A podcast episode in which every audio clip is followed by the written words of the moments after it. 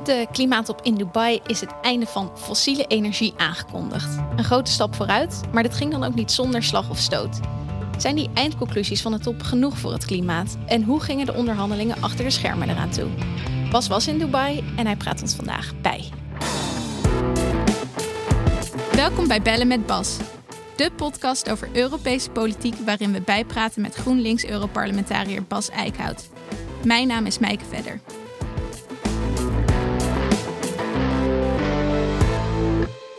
Welkom Bas. Hoi Maaike. Fijn dat je er bent. Je bent Dankjewel. alweer uh, een paar dagen terug in Nederland. Ja, ja, ja. ja.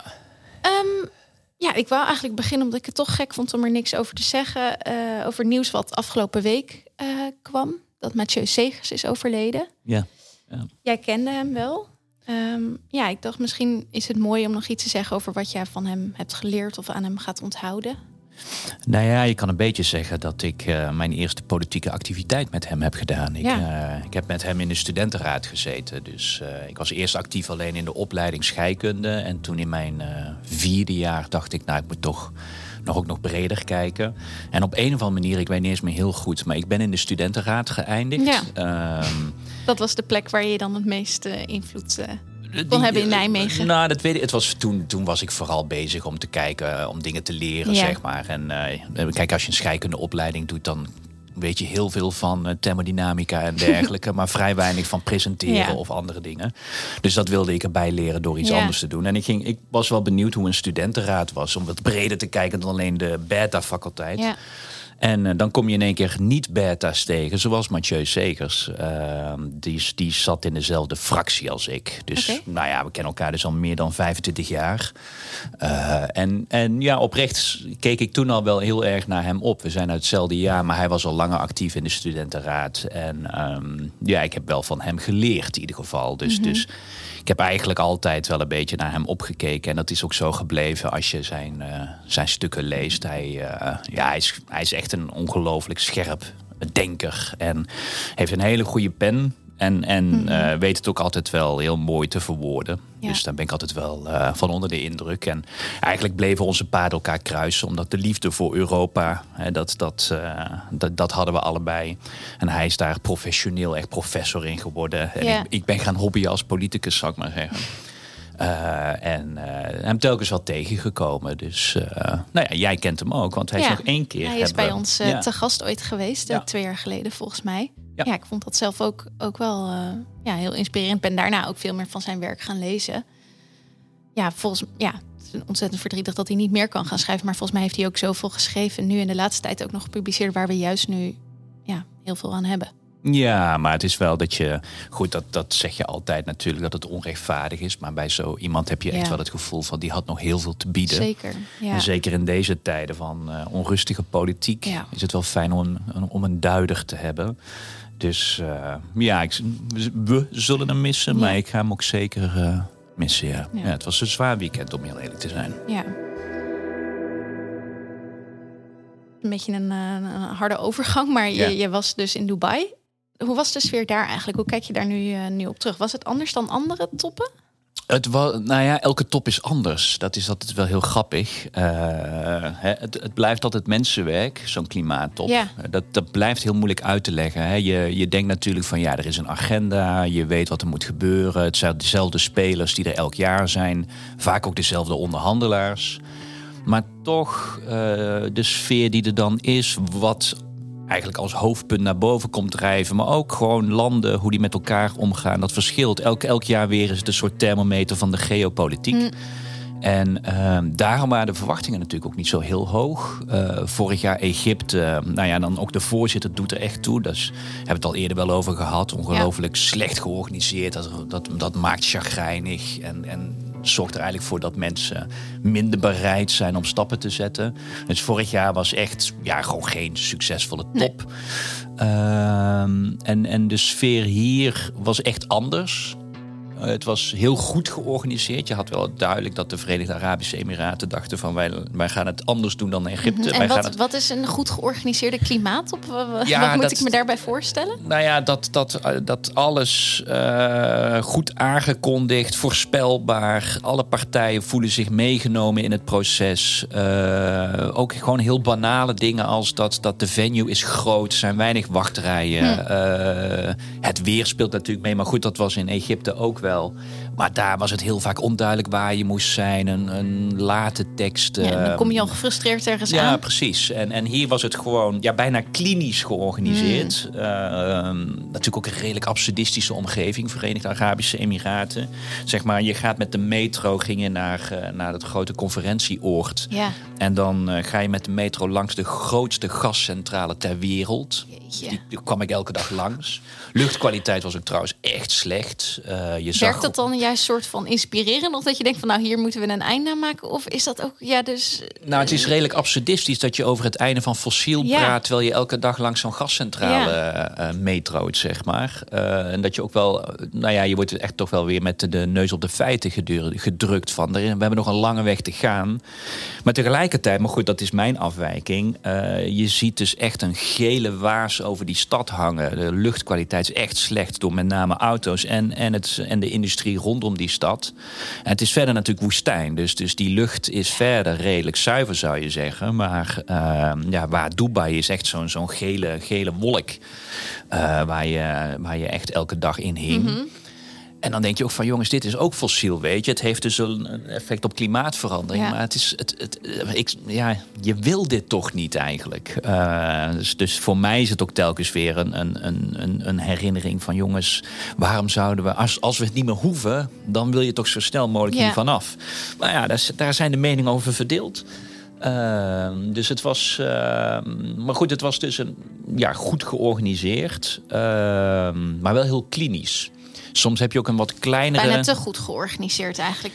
Ja, bijna wel. Want je hebt ook een soort van eh, pressure cooker. Hè? Je moet, moet Ja. mensen dicht op elkaar zetten. Dan komt er een soort druk op Ja. te zitten. En dat is ook waarom je fysiek echt moet zijn. Hè? Dat is ook elk jaar. Hè? Ja. Daar hebben we het ook al Waarom eerder over gehad. Waarom ga je daar nou naartoe?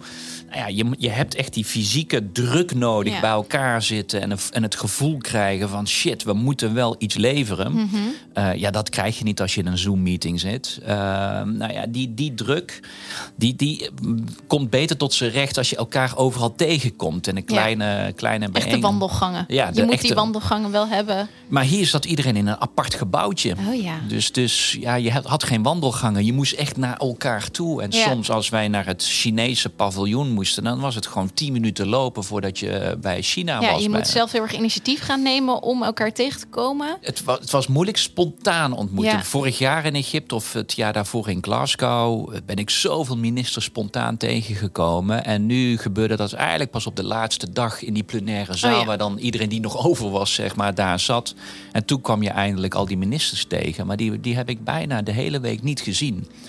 En, En, eh, en, wat ja. heeft, hoe heeft dat de onderhandeling beïnvloed, denk je? Of, eh, ja. Nou ja, kijk, uiteindelijk is er meer uitgekomen dan verwacht. Maar ik had die hele week, werd ik er niet vrolijk van. Omdat je echt het gevoel had van... jongens, er, er, er, er is moeilijk druk te creëren. Dus op een gegeven moment had je echt het gevoel...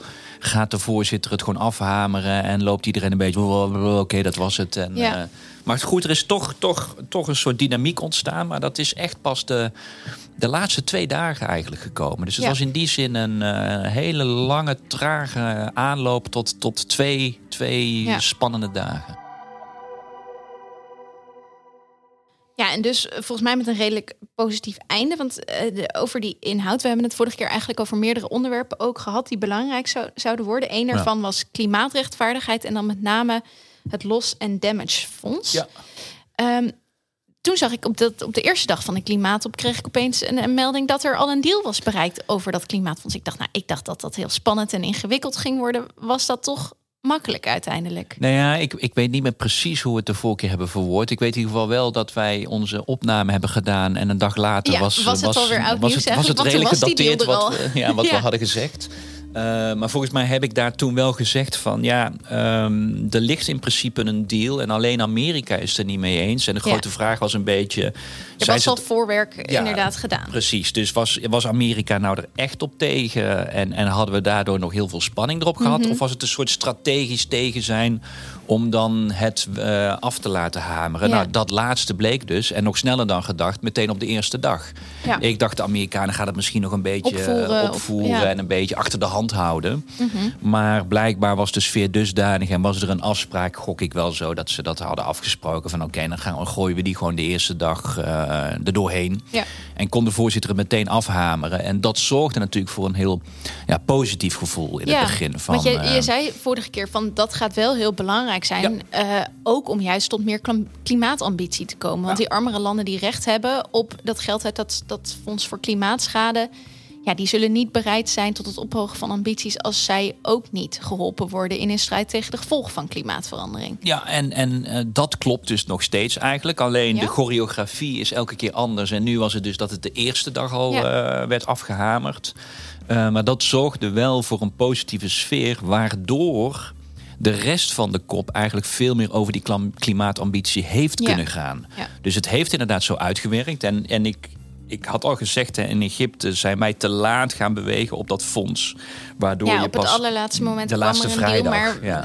het werd opgericht, maar verder kon er niks meer afgesproken worden over hoe dat fonds gevuld zou worden, of wie er recht op zou hebben. En toen was er ook niks meer op ambitie. Dus, dus toen hebben we alleen maar, hè, Egypte heeft alleen maar opgeleverd, we hebben een fonds, punt. Dat was het. Uh, en het idee van sommigen die dachten van, nou dan geven we dat fonds en dan krijgen we nog iets terug. Nou, dat spel is helemaal niet gebeurd.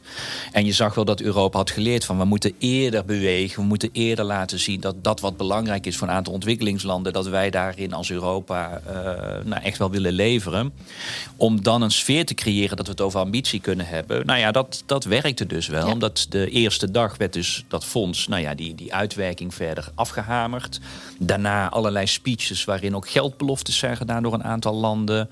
Uh, ook voor dat uh, loss and damage, voor dat klimaatschadefonds. Nou ja, dat, dat zorgde ervoor dat de sfeer na week 1 gewoon goed was. Alleen toen was het een beetje de spanning van gaat het ons nog lukken om, om eigenlijk ambitie en dan met name het strijdpunt einde van fossiel, om dat echt nog te politiseren. Want je had ook wel het gevoel dat na week 1 de voorzitter, dokter Sultan El Jobber, het prima had gevonden om het af te hameren. Weet je, voor hem hoefde het niet meer. Had een succesvolle top. Hij kon zeggen, we hebben een, een deal ergens op gemaakt. Voortgang geboekt, ja. uh, goede sfeer, goed georganiseerd, applaus voor de voorzitter en hoppa, de kerstvakantie in. Ja. Uh, en dus was het wel een beetje spannend van gaat het ons lukken om, om juist die klimaatambitie ook, ook echt nog wel op te voeren tot iets. Ja. Jij, jij, eh, was er de tweede week. Ja. Hoe zagen je dagen er toen uit? Want je zat daar als onderdeel van de, de delegatie van het Europese parlement. Je zei vorige keer al van ja, dan heb je wat meer vrijheid dan uh, Nou ja, als Wopke Hoekstra bijvoorbeeld, die daar echt namens de hele uh, EU is of andere regeringsleiders. Wat, wat, wat doe je dan de hele dag? Eigenlijk hebben wij gewoon de hele dag uh, afspraken gemaakt met allerlei delegaties. Dus we hebben, we hebben delegaties van de laagliggende eilanden gesproken. Dus Marshall Islands hebben gesproken. Want dat zijn eigenlijk bondgenoten, toch? Ja. Juist voor het ophogen van klimaatambitie. Ja, absoluut. Dus we hebben, we hebben ook een aantal onderhandelaars gesproken van, van nou ja, een aantal Afrikaanse landen. We hebben een parlementaire delegatie van Zuid-Afrika gesproken. Uh, de hoofdonderhandelaar uh, Xi van, van mhm. China. Het is bijna een soort jaarlijkse traditie. En, uh, en dat was wel interessant. Dat, dat, die hadden wij maandag. De, de weken liepen anders. Hè. Dat, dat, oh, ja. Dus ja, dat, het is daar, donderdag is daar de rustdag. Dus ja. donderdag is de zondag, zeg maar. En dat betekent dat uh, de week van vrijdag tot met dinsdag liep. Mm -hmm. uh, dat is dan maandag tot met vrijdag, yeah. zeg maar in onze wereld. Uh, en het liep door tot de woensdag, wat een beetje de klassieke zaterdag yeah. van zijn top is. Om het maar makkelijk te houden. Yeah. Dus uh, nou, wat ik zei, eigenlijk ons klassieke weekend was het allemaal onduidelijk. Tot met die zondag yeah. was het onduidelijk of er echt iets ging gebeuren. Lukte het om het spannend te maken. En toen is uh, maandagochtend is er een nieuwe tekst gekomen. Waarin eigenlijk tot dan toe waren er alleen maar teksten gekomen met allemaal varianten. Daar kon je uit kiezen, vier varianten, A, B, C, D. Uh, en, en... Want je bedoelt, er, er liggen dan meerdere top opties voor de, de, het eindakkoord eigenlijk. Ja, precies. Welke tekst daar precies in moet komen. En dan gaat er daarna onderhandeld worden over welke tekst er dan uiteindelijk in En het is eigenlijk een beetje een spel hè, van dat, dat, zo, dat er dan vier opties worden neergelegd en dat je langs de landen gaat van nou, welke optie heeft jouw uh, voorkeur. En bijvoorbeeld ja, want die opties worden neergelegd door de voorzitter. Nou, dit was de. Je hebt op elk onderwerp heb je facilitatoren. Wat mhm. altijd één iemand is uit de ontwikkelde wereld en één iemand uit de ontwikkelings. Dus je hebt altijd okay. per thema twee facilit facilitatoren. Uh, en en uh, op einde fossiel kwamen, komen zij dan naar allemaal consultaties met alle mhm. landen gesproken te hebben, kwamen zij met een document met vier opties. Uh, en dan op allerlei andere thema's zijn ook verschillende opties. En dan ligt er dus een groot document. Ja, ja dat was, was zeg maar de laatste die, die was gepubliceerd, was vrijdagavond volgens mij. Daar is dan het hele weekend over gesproken. En daar lagen iets van vijf, 50 keuzes voor. Uh, en dan die maandagochtend was het de eerste tekst die wordt neergelegd door de voorzitter. Hm. Echt. Die heeft dan alle gesprekken gehoord, heeft iedereen aangehoord en maakt dan een keuze en legt een tekst voor. En uh, toen, met name op fossiel, lag er echt een super zwakke tekst. En, en dat zorgde. Uh, en toen was het echt wel spannend. Van dat je denkt van oké, gaan we nu. Lukt het ons nu om echt dan een sfeer te creëren van dit is onacceptabel? Uh, dit was duidelijk een test van de voorzitter. Uh, eigenlijk de enige die tevreden was, was toen Saudi-Arabië. Nee, dat zegt wel genoeg. Ja, en dat was een beetje voorspelbaar. Hè? Dat, dat Verenigde Arabische Emiraten is echt zo'n klein buurlandje van, uh, van de grote buur Saudi-Arabië. Het is een beetje Nederland-Duitsland, zeg maar. Uh, en uh, ja, Nederland zou waarschijnlijk ook eerst Duitsland willen pleasen als ze zoiets zouden doen. Althans, misschien ook weer niet. Maar goed, daar wel. Mm -hmm. En ehm, en die tekst was dus echt heel erg voor in het, in het voordeel van Saudi-Arabië. En Europa was natuurlijk niet tevreden. Alleen lukte het ons. Want het was gewoon heel vaag wat er stond over dat er een einde aan fossiele brandstof Daar stond geen einde. En er was gewoon het gebruik van fossiel moet verminderen. Ja. Ja, oké, okay, dankjewel. Dat is op zich, uh, dat weten we. Maar dat, dat is geen... Maar niks uh, over wanneer en op Nee, er stond geen tijdstip in. Uh, het was heel vaag geformuleerd. Dus dat was echt, echt een hele slechte tekst. En op allerlei andere on onderdelen was het ook niet zo'n hele sterke tekst. Mm. Dus dat was echt een teleurstelling. aantal, aantal waren echt boos. Ik weet dat de Spaanse voorzitter, die voelde zich echt... nou ja, sorry om het te zeggen, maar die voelde zich genaaid door ja. de voorzitter. Had echt een ander gevoel gekregen in de gesprekken met El Jabber. Dus, uh, dus, dus, nou ja, en, en, toen, toen was het wel spannend van hoe lukt het Europa? Want dat is duidelijk dat Europa, hè, dat dit niet was waarvoor wij naar Dubai zijn gegaan. Maar wat je ook altijd wel weet, Europa. Uh, gaat Europa echt blokkeren ooit? Dat is toch een beetje eh, de grote vraag. Waar ligt de, de rode lijn Ja, want, want Europa ontevreden. ja, je kan als voorzitter ook denken, zoals Egypte. Ja, Europa was ook ontevreden, maar ja, big deals. Ja, en, ze tekenen en toch Europa wil ook een deal uiteindelijk. Ja, dus er was ook wel echt toen een discussie van... gaan we een keer echt weglopen? Gaat Europa een keer zeggen van... ja, als het dit niet beter wordt, gaan we het gewoon echt niet doen. Ja. Dus, ik kan me eh, ook voorstellen, helemaal nadat de vorige top eigenlijk ook een teleurstelling was... dat dat er ook die frustratie begint te groeien. En dat je dus op een gegeven moment zegt van ja, maar werkt, werkt dit überhaupt nog? Moeten we, ja, als we gewoon geen duidelijke afspraken kunnen maken, waarom zijn we hier dan? Maar goed, dan heb je altijd, en dat is een beetje de makke van Europa, waar andere spelers dat weten. Kijk, een, een Amerika heeft natuurlijk één president. En als die ene president het genoeg geeft en zegt: uh, ik pik het niet, ik ben tegen, dan ben je ook klaar. Zo'n John Kerry zit daar dan en die kan alleen maar zeggen: mijn, mijn baas is tegen en ik mhm. doe veel plezier ermee dan heb je een probleem. In Europa heb je natuurlijk 27 ministers, je hebt een commissie, dus je hebt heel veel stemmen. En er zijn altijd wel die dan zeggen: ja, het is niet ideaal, maar nou, die gaan dan de positieve dingen benoemen. Of ook wel in het proces: ja, we moeten toch het multilateralisme, hè, Verenigde Naties proces. Er is al zoveel dat niet functioneert op dit moment. We moeten gewoon een compromis We kunnen niet ook dit laten klappen. Dus, dus ook die verantwoordelijkheid voor het hmm. multilateralisme uh, wordt dan gevoeld door een aantal spelers. Dus Europa gaat altijd een beetje dan uh, in zichzelf keren en nadenken: oh, wat gaan we hiermee doen? Zijn er dan bepaalde landen die, die uh, daarin blokkerend werken of die juist koplopers zijn? Nou, is dat denk, van tevoren al, dan al te zeggen? Nou, je hebt natuurlijk altijd wel de grote spelers. Uh, je weet ook altijd wel dat in Oost-Europa men het altijd wel oké okay vindt. Weet je, uh, die zitten niet zo geharnast erin. Hm. Dus, dus als, nou ja, goed, als, als, als er een tekst ligt die niet al te scherp is, dat vindt Polen niet erg. Ja. Um, kijk, Duitsland zat er wel scherp in. Hè? Annalena Baerbock liep daar de hele week, minister van Buitenlandse Zaken van de Duitse Groenen. Die zat er scherp op. Maar tegelijkertijd Duitsland multilateralisme laten struikelen, dat is ook wel weer heel erg Hmm. niet Duits. Ik denk wat gewoon heel erg meespeelde, dat Frankrijk en Spanje echt wel stevig chagrijnig waren. Eh, en heel erg uitgesproken. Dus, dus Frankrijk en Spanje, en Spanje was de voorzitter, hè, rouleert voorzitterschap. Dus Spanje was nu voorzitter van de Ja. EU. De- die zorgden er wel echt voor dat er een sfeer creëerde van no way, dit gaat, dit gaat Europa gewoon niet accepteren. Ja, dus het is ook nog wel dat op die top eh, zelf daar echt een dynamiek ontstaat. Want we hadden het erover dat er is dan een mandaat van tevoren vanuit eh, de ministers en een mandaat vanuit het parlement. Maar Ja. dus ook op zo'n top, dan hangt het echt wel af van wat gebeurt er daar, hoe wordt daarop gereageerd, wie gaat dan zijn hakken in het zand steken. Ja, omdat zo'n mandaat is natuurlijk helaas. eh, kijk, vanuit een groen perspectief hoop je dat dat man- mandaat ook iets is van als we dat niet krijgen, hebben wij een reden om het tegen te zijn. Ja. Maar bijna Dat spreek altijd. je van tevoren natuurlijk niet zo duidelijk af. Je zegt Nee. dit is ons inzet, maar niet wat er gebeurt als daar als je niemand daar mee niet aan komt. Ja. Het is vaak meer andersom dat het mandaat van de EU iets is waar je in ieder geval niet verder kan. Ja. Omdat je dan weet van, nou, dit is het maximale wat eruit te halen valt. Omdat er landen dan gaan piepen als het eh, ambitieuzer wordt. Ja, dus, ja. Dus het is bijna meer een soort, soort meetlat waar je niet boven kan komen... dan dat het een soort ondergrens is. Oké. Eh, en, dat is, en dat hangt dus inderdaad van de dynamiek die er op zo'n top plaatsvindt. En dan ook of er, een, ja, of er een beetje de goede ministers zijn, zeg maar. En ik denk wat gewoon heel erg hielp, dat er eh, wel stevige dames zaten van Frankrijk en eh, Spanje. Mhm. Twee vrouwelijke ministers. Ehm, nou, ook Duitsland, allemaal vrouwelijke ministers. En er zaten best wel wat groene ministers, ook uit Oostenrijk en Ierland, die heel scherp erop zaten. En veel wat de, van de wat conservatieve landen, zoals Italië, Zweden, Finland, conservatieve regeringen, redelijk heel Oost-Europa, eh, die was eigenlijk niet aanwezig.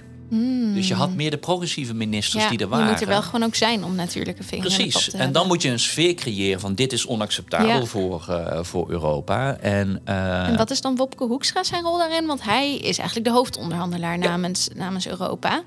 Nou, ik vind, echt, ik vind echt dat hij het goed heeft gedaan. Uh, We hebben natuurlijk een, uh, een, uh, ook een, uh, een podcast gehad over waarom ik in godsnaam voor ja, Wopke Hoekstra heb gestemd. mensen toch nog wat uitleggen toen over? Ja, ja en, Terecht. En, en er was ook een gok. Ja. Want, want echt, het is duidelijk dat Wopke Hoekstra niet groen geboren is.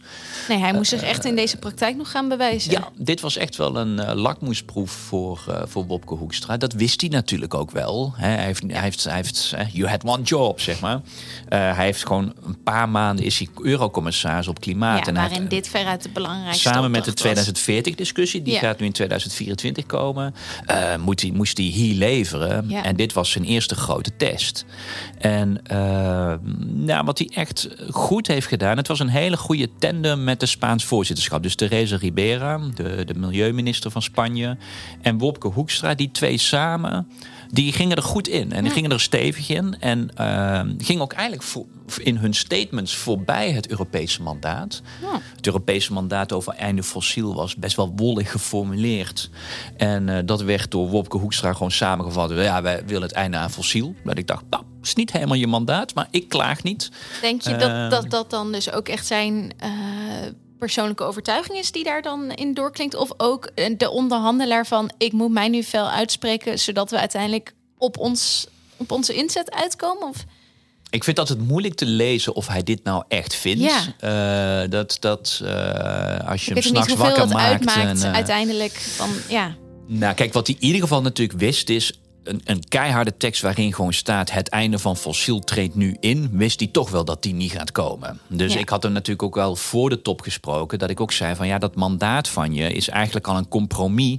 En dat is lastig om met een compromis het debat in te gaan. En dat zei hij ja, helemaal mee eens. Ik had liever ook scherpere teksten gewoon in de... hè, de milieuraadconclusies Ja. gezien, wetende dat dat, dat, dat, afgezwakt toch altijd wat afgezwakt wordt.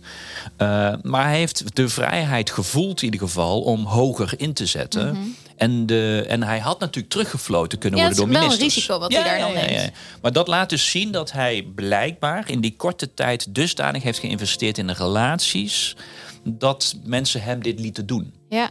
Kijk, een Poolse minister had kunnen roepen: Hallo, dit is niet het mandaat. En uh, je terugfluiten. En een heel, heel gedoe. Morgens is er altijd zo'n coördinatie van de EU. Nou ja, dan kun je daar allemaal gezeur krijgen. Omdat puur formeel had Polen kunnen zeggen: Dit is je mandaat. En je mag niet meer zeggen: Wij willen einde van fossiel. Want dat staat zo niet letterlijk in het mandaat dat, dat, dat is, niet gebeurd. Hij, heeft, hij heeft wel echt een vrijheid gevoeld en genomen. Waardoor Europa er heel stevig op kwam. Toen ik die maandag dus met de Chinese hoofdonderhandelaar sprak, Chinois. Die zei ook van ja. Het was ook heel interessant. China zat er redelijk relaxed in. Dat was natuurlijk ook belangrijk in dit geheel. Dat, dat, dat stemde mij meer wat positiever. Ik was net redelijk depressief door die, door die slechte tekst die er lag. En toen gingen we met China spreken. En wat heel interessant was, was dat China eigenlijk, je voelde gewoon, ze zitten er heel relaxed in. En, ze, en, en daarin lees je natuurlijk ook dat zij eigenlijk het prima vinden als er geen tekst komt op einde fossiel. Want dat hebben ze niet per se nodig. Maar tegelijkertijd, als het scherper wordt, kunnen ze er ook mee leven. Omdat ze zelf al zoveel in duurzaamheid aan, aan, aan, het investeren zijn. Dat je gewoon in alles voelde. China ging zich heel erg als de bruggenbouwer daar neerzetten. En die zei dus ook van ja, je hebt extreme aan de ene kant. Uh, zoals uh, de laagliggende eilanden en Europa. Okay. Vond ik een compliment. Dat ja. Europa als extreem wordt gezien samen met ja. de eilanden die waarvoor het echt over hun toekomst gaat. En, en aan de andere kant had je Saudi-Arabië, die het liefst gewoon samen met Rusland, zeg maar, die geen tekst wil op, uh, op fossiel. Nou ja, en, en, en China zat van, nou, wij, wij. En toen begon hij een paar dingen uit te leggen waarvan hij het gevoel had, dit, dit zou wel eens een brug kunnen zijn. En hij gebruikte woorden die, die je later in de slottekst terug ziet komen. Dus daar zie je heel duidelijk de Chinese hmm. hand. Een aantal van die formuleringen zijn heel erg, uh, zijn heel erg uh, vanuit China neergelegd. Dus dat is ook interessant om dat te zien. Hoe landen zich opstellen en hoe dat uiteindelijk op, in de teksten terugkomt. Ja, maar China heeft dus eigenlijk wel een positieve invloed uiteindelijk op de onderhandelingen ja, gehad. Deze, deze keer heeft China echt uh, ja, die brug functie gevormd. En door de scherpe opstelling van Europa, die dus gesteund werd door een aantal, met name dus de laagliggende eilanden en Latijns-Amerikaanse landen, die waren ook heel erg uitgesproken. Dus dat was natuurlijk waar Europa in had geïnvesteerd. Dat, dat wij niet als enige gingen roepen: wij willen einde fossiel, want dan gaat het het niet worden. We kwamen we kregen echt steun van een aantal progressieve uh, Latijns-Amerikaanse landen, zoals Chili en Peru. Uh, en dat zorgde voor een sfeer dat er meer moest gebeuren. En uh, omdat China toen die brugfunctie wilde spelen, ging Amerika daarin mee. Uh, en daar zag je ook de relatie EU, of China-VS was weer wat ja. beter. Vorig jaar uh, hadden ze klimaatgesprekken met elkaar moeten hebben. Die zijn geklapt omdat toen net daarvoor uh, zeg maar de minister van Buitenlandse Zaken Blinken die was naar Taiwan gegaan. Ja. En dat was een affront. Dus heeft toen China al zijn overleg met Amerika gecanceld. Dat was vorig jaar voor Egypte. Dit jaar hebben ze wel uh, overleg gehad. Dus je merkte ook dat China en VS. Ja, dus ook die, die, die geopolitieke spanning, die diplomatieke verhoudingen tussen verschillende landen onderling, dat speelt op zijn top ook weer echt een En het is gewoon nog mensenwerk, wat voor sfeer er op dat moment is. En, dan, uh, en als China en VS eigenlijk gezamenlijk een beetje die brugfunctie willen zijn. En het was gewoon heel duidelijk, de tekst die de maandagochtend lag, was onvoldoende. Dat was een Saudi-Arabische tekst, kun je zeggen. Vervolgens heeft Europa daar heel veel kabaal op gemaakt gesteund door een aantal ontwikkelingslanden, waardoor het gewicht kreeg. En vervolgens zijn het China en de VS geweest die, die zeg maar met teksten zijn gekomen die, die veel meer tegemoet komen aan Europa. Minder scherp dan Europa had gewild, maar wel in die richting gingen. En dus ja, eigenlijk weer Saudi-Arabië wat ongelukkig maakte. Nou, tel daarbij op dat India redelijk stil was. Ook belangrijk. Uh, ja, was het mogelijk. Ging er wel een dynamiek ontstaan. En dat gevoel had je wel van toen wij dinsdagnacht. Dat je echt het gevoel, toen gingen er ook wat teksten lekken. En toen dacht, zag je wel van, nou, er kan echt nog wel iets uitkomen dat, dat beter is dan verwacht. Ja, want in die uiteindelijke tekst, ik had het nog weer even opgezocht wat daar nou uh, stond over het, het einde van fossiel. Um, calls on parties to contribute to the following global efforts in a nationally determined manner, taking out blah blah blah blah blah, yeah. transitioning away from fossil fuels in energy systems. Ja. Um, accelerating action in this critical decade. Ja. Um, ik vind dat dan best moeilijk in te schatten van wat is dit nou uiteindelijk waard? Is dit concreet genoeg? Omdat we het er juist over hadden, die precieze woorden die worden gebruikt, dat, dat doet er echt toe. Nou ja, kijk, wat belangrijk is, is dat, uh, dat, dat sowieso elke tekst die je gaat krijgen uit zo'n top, het belang daarvan ga je eigenlijk pas een paar jaar later merken. Dat, dat, uh, dat is denk ik ook uh, van belang. Bijvoorbeeld, ik vind toch een mooi voorbeeld, het Parijsakkoord is eigenlijk in de uitvoering nog, nog dwingender geworden dan, dan we in Parijs dachten. Ja, want nu staat hier wel ook weer bij in line with 1.5 degrees. Precies. En dat is een hele belangrijke. Dat nu eigenlijk voor de eerste keer. Kijk, in Parijs hebben we de afspraak: we moeten beneden de 2 graden blijven. En we streven ernaar ja, we om beneden ons best de. Doen. We gaan ons best doen, inderdaad.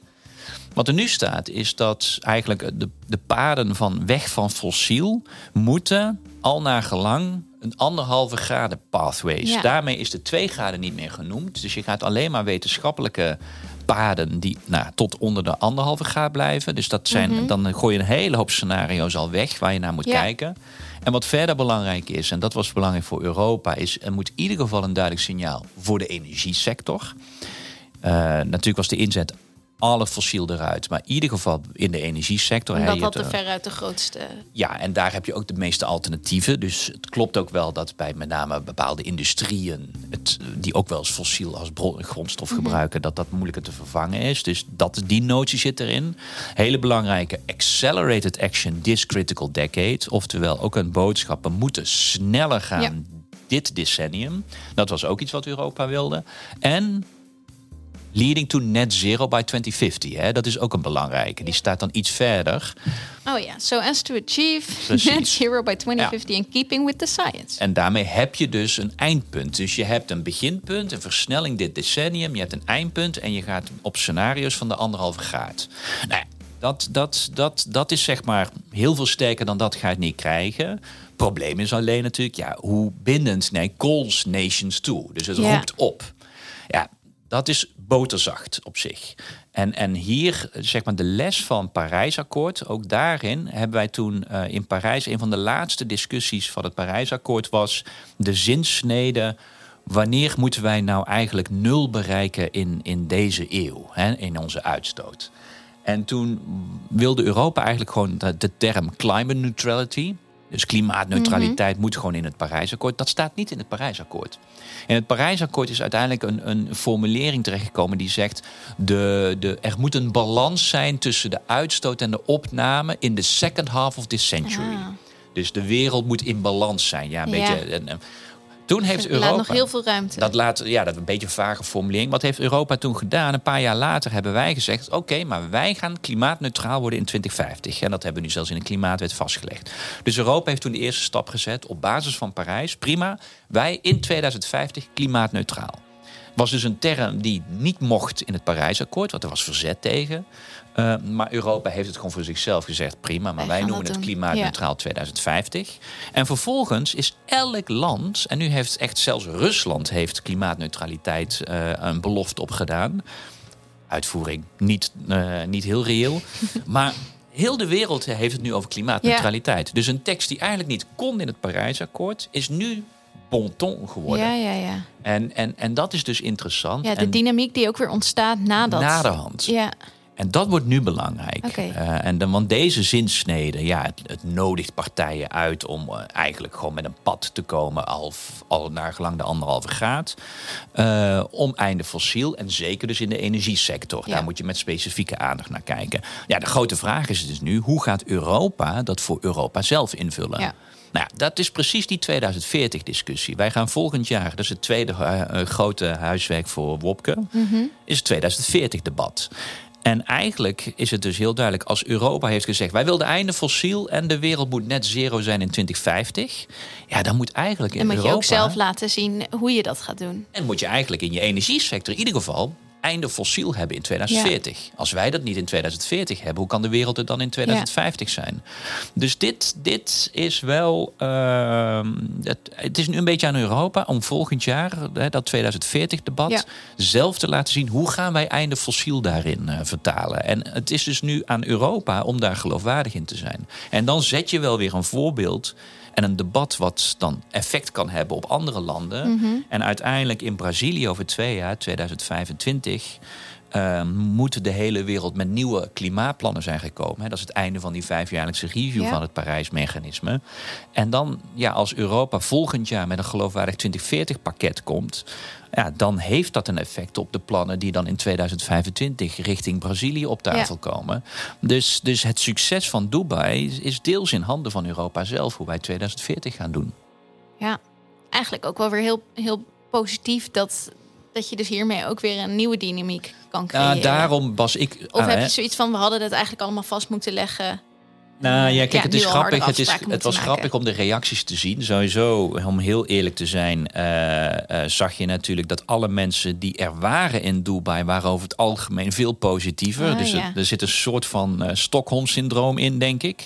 je bent ontvoerd in zo'n. Ja, nou ja, of als je dus eerst ook zo'n hele negatieve tekst hebt gezien, dat je dan heel blij bent met wat je er uiteindelijk nog uit weet. Plus, je ziet de fossiele lobby actief daar. Je ziet een Saudi-Arabië die elke dag belt. Hè, vanuit Riyadh werd er elke dag gebeld naar Dubai. Eh, dus, dus je voelt wel van jongens, hier, hier hebben we echt een stap verder gezet dan we in al deze context door hadden.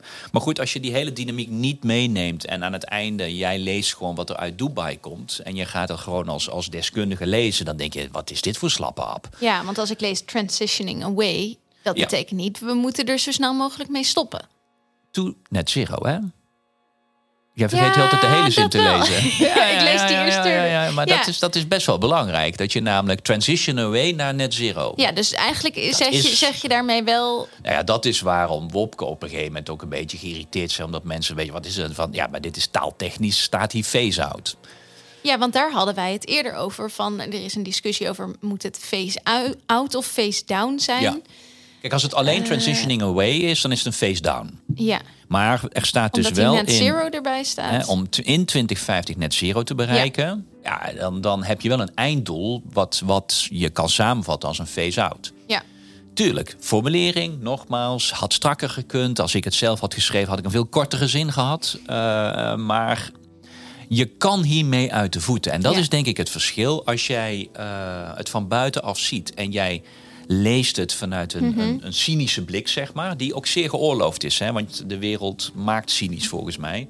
Ehm, dan, dan kun je zeggen, te veel, te veel geitenpaadjes om het niet te doen. Dus dit, dit een Saudi-Arabië kan hier nog prima mee uit de voeten door niks te doen. Uh, dat klopt. Dat, dat mhm. is natuurlijk nog steeds zo. Maar om heel eerlijk te zijn, zelfs als er dan staat iets heel bindends, dan kan Saudi-Arabië nog steeds een derrière mee afvegen. Ja. Dus, uh, dus, dus deze formulering is denk ik strak genoeg om ermee uit de voet te komen. Maar de vertaling nu naar de nationale klimaatplannen, die maken of breken hoe hard deze afspraak is. En dat moet nu gebeuren. Dus het klopt dat uit Dubai, uh, ja goed, sommigen zeggen, is het nou historisch? Nou, op zich hebben we voor de eerste keer echt fossiel apart benoemd. Dat was uit, uit, uit Glasgow, kwam alleen maar kolen. Ja. Uh, hier hebben we het echt over heel fossiel. Dus dat is ja, in die zin historisch. Beetje raar dat we na 28 jaar uiteindelijk... Ja, klimaattoppen het eens zijn over dat we van fossiele energie af moeten. Ja, dit is eigenlijk als een soort na 28 jaar gezondheidscongressen... durven ze het nu over roken te hebben. En daarvoor hadden we het alleen maar over longkanker. Uh, we wilden het nergens anders over hebben. Dus, dus op zich, ja, historisch, maar wel rijkelijk laat. Dus ook dat, je kan daar weer twee kanten, half vol, half leeg ja, lezen. Ja, je kan zeggen, ja, beter laat dan nooit en heel goed dat het er nu is. Of je denkt van, ja, waar slaat het op dat we het er dat dat blijkbaar zo moeilijk is. Ja, maar goed, degene die dus in Dubai zijn, die zien dat historische doordat we het nu eindelijk is het wel gelukt. Uh, maar elke criticus heeft ook gelijk door te zeggen dat het heeft wel heel lang geduurd. Ja, dat, dat klopt Allebei ook. Waar, ja. Allebei waar. En het klopt dat deze tekst nog te juridisch zacht is om meteen te zeggen: dit is eh, de wereld gaat morgen veranderen. Maar nogmaals, dat ligt dus nu aan hoe gaat dit vertaald worden in nationale klimaatplannen? Hoe gaat Europa het voorbeeld zetten voor 2040? Als wij met een serieus einde fossiel pad komen voor 2040, ja, dan zetten wij ook een, een, een nieuwe werkelijkheid neer over de invulling van Dubai. Dus het succes van Dubai gaat de komende twee jaar bepaald worden. Ja. Met die als, als eerste stap dus dit 2040-doel in Europa. Volgend jaar uh, Azerbeidzjan uh, is dan eigenlijk een soort van tussentop. Maar dan zal het heel erg gaan over financiën. Okay. En dat wordt dan lastiger voor Europa. We zitten in een verkiezingsjaar 2024. En daar gaat toch echt wel ook gekeken worden. En Amerika zit ook in een verkiezingsjaar. Dus uh, we hebben wat verkiezingsperikelen in beide grote delen van de wereld. Ja. Terwijl dan in november, december in Baku geld het hoofdthema wordt. En dat is met name voor de ontwikkelingslanden. Die allemaal zeggen, want dat was daar ook. We hebben ook met een aantal Afrikaanse landen gesproken. En bijvoorbeeld Oeganda. Die zegt ook van ja, wij zitten op een olievoorraad. Ter waarde van ongeveer 40 miljard. En nu zeggen jullie, westerse wereld, laat dat in de grond zitten. En OPS gaat ook nog investeren in duurzaam. Wat ook ongeveer 50 miljard is. Dus het plan van Oeganda is, wij gaan investeren in duurzaam, maar dat doen wij door die olie op te boren, te verkopen en daarmee dus een duurzame e-, economie op te bouwen. Kun je zeggen, snap ik, want dan heb je een eh, plaatje rond. CPB zou trots zijn. Uh, maar wel met heel veel CO2 in de lucht. Dat, en dat proberen we nou net te voorkomen. Dus wat wij zeggen is, ja, eigenlijk moet je wel die opbouw doen van die economie. Mhm. Eh, dus die 50 miljard moet je investeren. Maar nee, die 40 miljard moet je in de grond laten. Ja, dan zegt Oeganda, en dit is één land, en die zegt dan van oké, nou, uh, help me maar. Ja. Dat is 50 miljard investeringen die ik niet mag doen omdat ik olie in de grond moet laten zitten. Nou ja, uh, wie gaat Hoe mij gaan helpen? We dat dan doen? Ja. En ja, weet je, daar hebben ze eigenlijk wel een punt natuurlijk. Uh, en, en dat wil niet zeggen dat nu wij zomaar honderden miljarden euro uh, even, even moeten lappen. Maar dat volgend jaar in Baku er wel een echt serieus plan moet komen van hoe gaan we dit soort investeringen in dat soort landen. Ja, die echt die solidariteit er dan Die zitten in een ontwikkelingspad. Je, die hebben last van klimaatverandering. Ja. Dus die hebben ook nog schade van klimaat. Dus ze moeten ondertussen dokken voor de schade. Ze mogen niet olie opboren, maar ze moeten wel investeren in die duurzame economie. Ja, dat die landen zeggen: hallo, uh, mogen wij geholpen worden? Ja. Want jullie Europa hebben A, meer van dit probleem veroorzaakt. En B, jullie hebben wel allemaal op fossiel zitten opboren. In Groningen. Mhm. Uh, geld aan verdiend en een economie opgebouwd. En nu zijn wij aan de beurt en zeggen jullie: nee, maar het is niet goed voor het klimaat. Ja.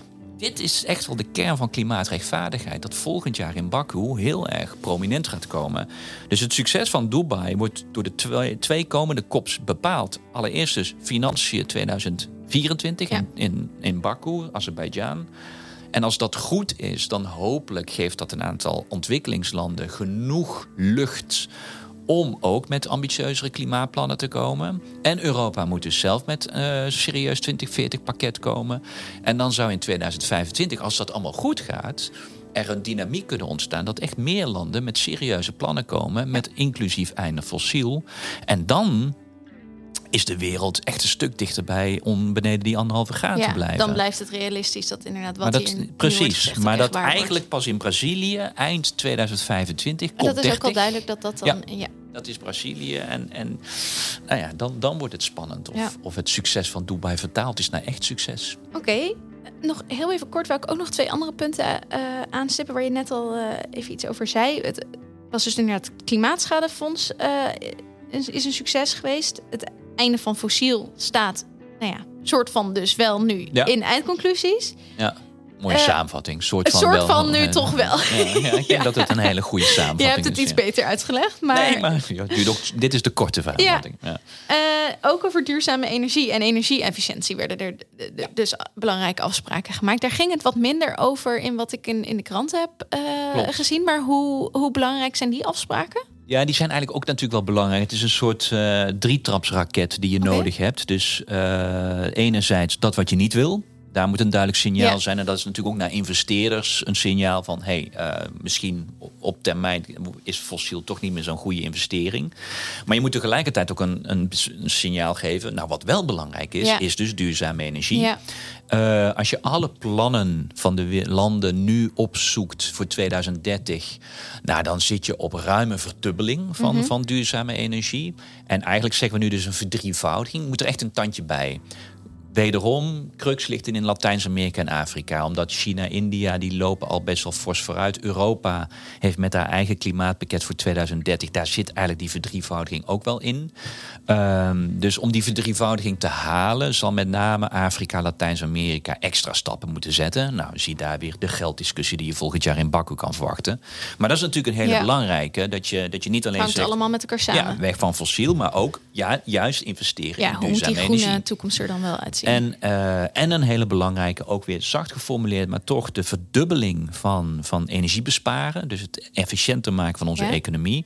Dat is natuurlijk nog altijd de meest goedkope optie. Namelijk gewoon energie die je niet verbruikt, hoef je niet op te wekken. nee, hoef je geen alternatief voor te gaan Hoef je geen vinden. alternatief, hoef je niet in te investeren. Ja. Eh, natuurlijk een investering is om huizen te isoleren. Maar vervolgens heeft ook de consument daar echt wel wat aan. Lagere energierekening en dergelijke. Dus die besparing en die verdubbeling van de besparing de komende jaren naar 2030. Dat, dat zal nog wel Ja. de moeilijkste zijn. Maar ook hier geldt Zijn weer het dan dit- afspraken waar Europa eigenlijk al aan, aan voldoet? Of moeten daar nu in Ja. Europa ook nog vervolgstappen in Nee, worden Europa genomen? heeft natuurlijk eh, een beetje flauw gedaan. Maar goed, je mag ook in alle oprechtheid zeggen... goed, wij zijn het ja, enige zijn, continent eh, die al wetgeving nu moet de hebben. het gaan doen, ja. Dus wij hebben in wetgeving, hè, dat hele Fit for 55, Ja. waar we het vaak over hebben gehad, daar zit ook besparing en duurzame energie in. En daar zit eigenlijk voor Europa al die verdrievoudiging en die verdubbeling van de besparing. Dus daarvan is iets minder de vraag van eh, wat gaan wij daar de komende tijd. eh Alle moeten wij die doelen zelf nog gaan halen. Er zal begin het volgend moet wel jaar. daadwerkelijk gebeuren. Er, moet rap- er gaat een rapport komen van, onze, eh, van het wetenschappelijke klimaatraad, hè, die Mhm. ingesteld is in de klimaatwet. En die gaat ook met een rapport komen in januari, februari. Over de stand van zaken. Ja, hoe, gaat het, hoe zijn we op weg om de 2030-doelen te Ja. halen? En dat rapport zal kritisch zijn. Ja, Dus, dus dat kan wel weer iets in gang gaan zetten. dat, dat laat wel zien dat ook wij zelf wel op papier de juiste doelen hebben. Mm, Behalve dus einde fossiel, maar dat is voor 2040 dan. Eh, maar die andere doelen hebben we in principe op papier en in wetten. Maar de landen moeten nu gaan leveren. En het is nog maar vijf jaar. Hè? Dat Ja. is natuurlijk, eh, het is al heel snel 2030. Ja, Ja, het is zeven, het is zes jaar. Maar ik, bedoel, ja, kijken, ja, ik waar- zie waar jou. zitten we Dit- nu ja, ook 2000, alweer? bijna 2024. Ja, in vijf jaar is 2029. maar de tijd gaat heel snel, ja. Stel, de tijd gaat snel. Ja. Oké, nou, heel erg bedankt voor eh, ja, het delen van je ervaringen. En Ik heb, kan deze tekst nu in ieder geval met een stuk meer context lezen. Met context, ja. Ja. En dus hoop. Het heeft ingrediënten om een succes te zijn. Maar ja, wat ik zei, het echte succes van Hangt het heel doel erg af van de, die uitvoering. ja, maar, die wordt de eh, komende twee jaar bepaald eigenlijk. Ja. Ehm, wij hebben nu heel even vakantie. Ja. Tenminste, volgens mij heb jij ook wel even. ja, in ieder geval de, rust. de week tussen kerst en oud en nieuw ben ik echt even weg. Ja. Ja. ja. Dan daarna gaat dus dat 2024 doel spelen. Ja. Heb je nog andere dingen voor 2024 waarvan je nu denkt van daar eh, dat gaat heel belangrijk worden die eerste Nou, maanden? kijk, sowieso hebben we natuurlijk eh, hebben we allerlei wetgeving die nog afgerond moet Ja. worden. We hebben Europese verkiezingen in juni. Dus dat betekent de eerste drie, vier maanden heel veel wetgeving afronden. Ja, want je kan niet nog een week voor de verkiezingen. Nee, eh, nee, nee, nee. Dat een wet we- aannemen, dus- Precies, dus dat moeten we allemaal doen. In januari, februari probeer ik mijn wet op eh, C2-normen voor vrachtwagens. Hebben we het ook al een keer over gehad. Nou, die moet nog steeds. daar gaan we ook de onderhandelingen in met de raad nu. Dus is aangenomen in de plenaire. Nou, die moeten we nu ook nog. eh, en er is nog best wel wat wetgeving op luchtkwaliteit dat er doorheen moet. Bodemkwaliteit hebben we nog, eh, nog een aantal discussies te doen. Ja. Dus veel wetgeving, eh, veel onderhandelingen. En ondertussen natuurlijk voorbereiden voor een verkiezingscampagne. Ja. Die in juni gaat optreden. Ja. Dus nee, de, de- 2024 gaat gewoon een heel druk jaar worden. Dus dat weekje, weekje Ja. vrij gaan we wel nodig hebben. Ja. Ja. Oké, nou dan gaan we daarvan genieten. Ehm, en dan daarna heel snel over al die andere onderhandelingen weer doorpraten. Ja, ja, en ik, ik kom nog weer met een muziektop 15. Ja, daar wou ik je Ja, naar vragen. ja, ja. Maar ik wist niet of je hem al eh, paraat hebt. Nou, ik, heb, ehm, ik ben bezig. Dus ik doe mijn jaarlijks lijstje, hè, de, de, de beste albums top 15. Ehm, ik, eh, de, de nummer 1 Ja, die kan je al wel verklappen. verklappen? Ja, ja, ja, ja, dat, dat, dat, dat wordt PJ Harvey. Oh, leuk. Die plaat is echt heel goed, die ze dit jaar heeft uitgebracht. Dus, eh dus eh, PJ Harvey's Nou, ik plaat heb van haar dit ooit jaar. een keer live eh, op een festival gezien. Ja, maar dit- deze geweldig. laatste muziek ken Ja. ik nog niet. Oké, ja, is echt een ga ik hele aanrader, de plaat. Ja. Ja, ik had Dus dat wordt mijn nummer Taylor Swift op nummer 1 bij mijn Spotify Oh, Red. dat is heel, dat is heel hip. dat is heel hip. Ik, Ja. Jij bent toch iets ouder, toch? ja, maar dit luisterde ik dus naar toen ik 16 was. Ah, Oké. Dus dat, dat blijft, blijft dan, hangen. Ja, Ja, dat ja. blijft voor alle leeftijden. Nou, ik vind het mooi. Uh, Taylor Swift komt niet in mijn top nee, 15. nee, duidelijk. Oké, maar als je die dus wel je top 15 hebt, ga je die ook weer... Wordt die weer gepubliceerd weer, op onze website. En eh, ja, die traditie blijven in stand Oké, houden. leuk. Nou, heel erg bedankt. En eh, tot de volgende keer. Ja, dankjewel.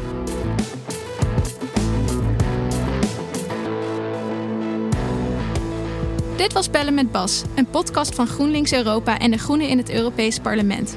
We horen graag van je. Laat je reactie achter op vriendvandeshow.nl slash bellen met Bas en meld je aan voor onze Europa-update op europa.groenlinks.nl. De audiovormgeving is door Studio Cloak. Tot een volgende keer.